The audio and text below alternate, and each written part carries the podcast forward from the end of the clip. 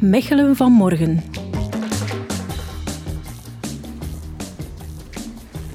Elke stad heeft zo zijn tussenstraatjes. Je kent zowel die korte, anonieme verbindingswegen tussen de pleinen en winkelstraten met weinig handelszaken of horeca. Minder sociale controle dus ook. En dan vallen ze al wel eens ten prooi aan vandalisme, sluikstorten en ander ongewenst gedrag. De Minderbroedersgang hier kampte ook met zo'n probleem. In 2018 kreeg de afdeling Preventie en Veiligheid verschillende meldingen over wildplassen. Op die dienst Preventie en Veiligheid werkt Lien Belen. Mijn naam is Lien Belen. Ik ben consulent gemeenschapsgerichte preventie voor de afdeling Preventie en Veiligheid. De eerste reflex bij zo'n probleem, in dit geval wildplassen, is om de traditionele instrumenten van preventie in te zetten. Meer passage van onze gemeenschapswachten, mensen echt sensibiliseren, et cetera. Maar we merkten dat dat nog niet echt de impact had die we wouden zien. Natuurlijk kan je niet de ganse dag en nacht patrouilleren en dus gingen ze op zoek naar alternatieven. Zo kwam de afdeling Preventie en Veiligheid uit bij het concept van nudging.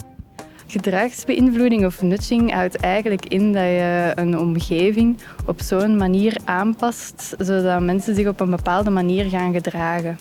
Als het enigszins kan, wil je het ongewenste gedrag liever niet repressief aanpakken, maar mensen eerder positief sturen met een zacht indirect duwtje in de goede richting. En hier in de Minderbroedersgang lossen ze dat op met rode lopers op de grond en drie grote doeken met kunstwerken in de nissen van de kerk.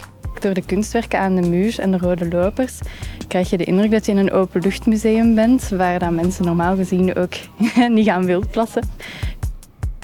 Potentiële wildplassers worden zo een paar meter verder geleid, waar in de laatste kerkenis een Greenpea staat. Een urinoir dat tegelijk dienst doet als zelfvoorzienende plantenbak. Daar zit een soort hennepvezel ook in. Enerzijds om de geur wat te neutraliseren. En anderzijds heeft dat ermee te maken dat je dat kunt gebruiken als voedingsbodem voor planten en zo. Dus dat past ook mooi in het circulaire verhaal van Mechelen.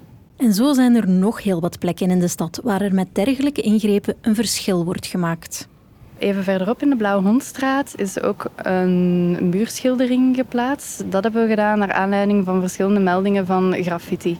We hebben dan één groot kunstwerk ook laten plaatsen op de muur vanuit het idee dat kleurt die straat ook wel wat meer in. Want die straat op zich was zo heel erg grijs en, en een beetje zo'n achterafstraatje.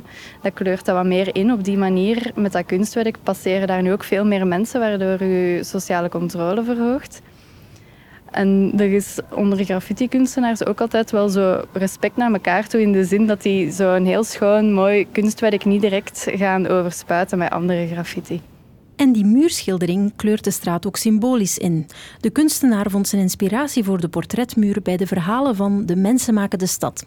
Een stadsproject waarbij diversiteit op een positieve manier in de kijker wordt gezet. De afdeling Preventie en Veiligheid pakt het telkens op die manier aan. Eerst gedragsbeïnvloeding, sensibiliseren, verhoogd toezicht of bemiddeling en pas daarna, als die niet doeltreffend genoeg blijken, een meer repressieve aanpak met handhaving. Al is die positieve benadering niet altijd even zichtbaar op straat. Het, het, lastige aan het preventieve verhaal is, wij doen eigenlijk wel heel veel, maar je kan ook nooit meten wat we dankzij onze preventieve maatregelen hebben kunnen voorkomen. Dus dat is uh, naar beleid ook soms uh, een heel verhaal om verkocht te krijgen. Maar zo kreeg jij toch even een glimp van het werk achter de schermen.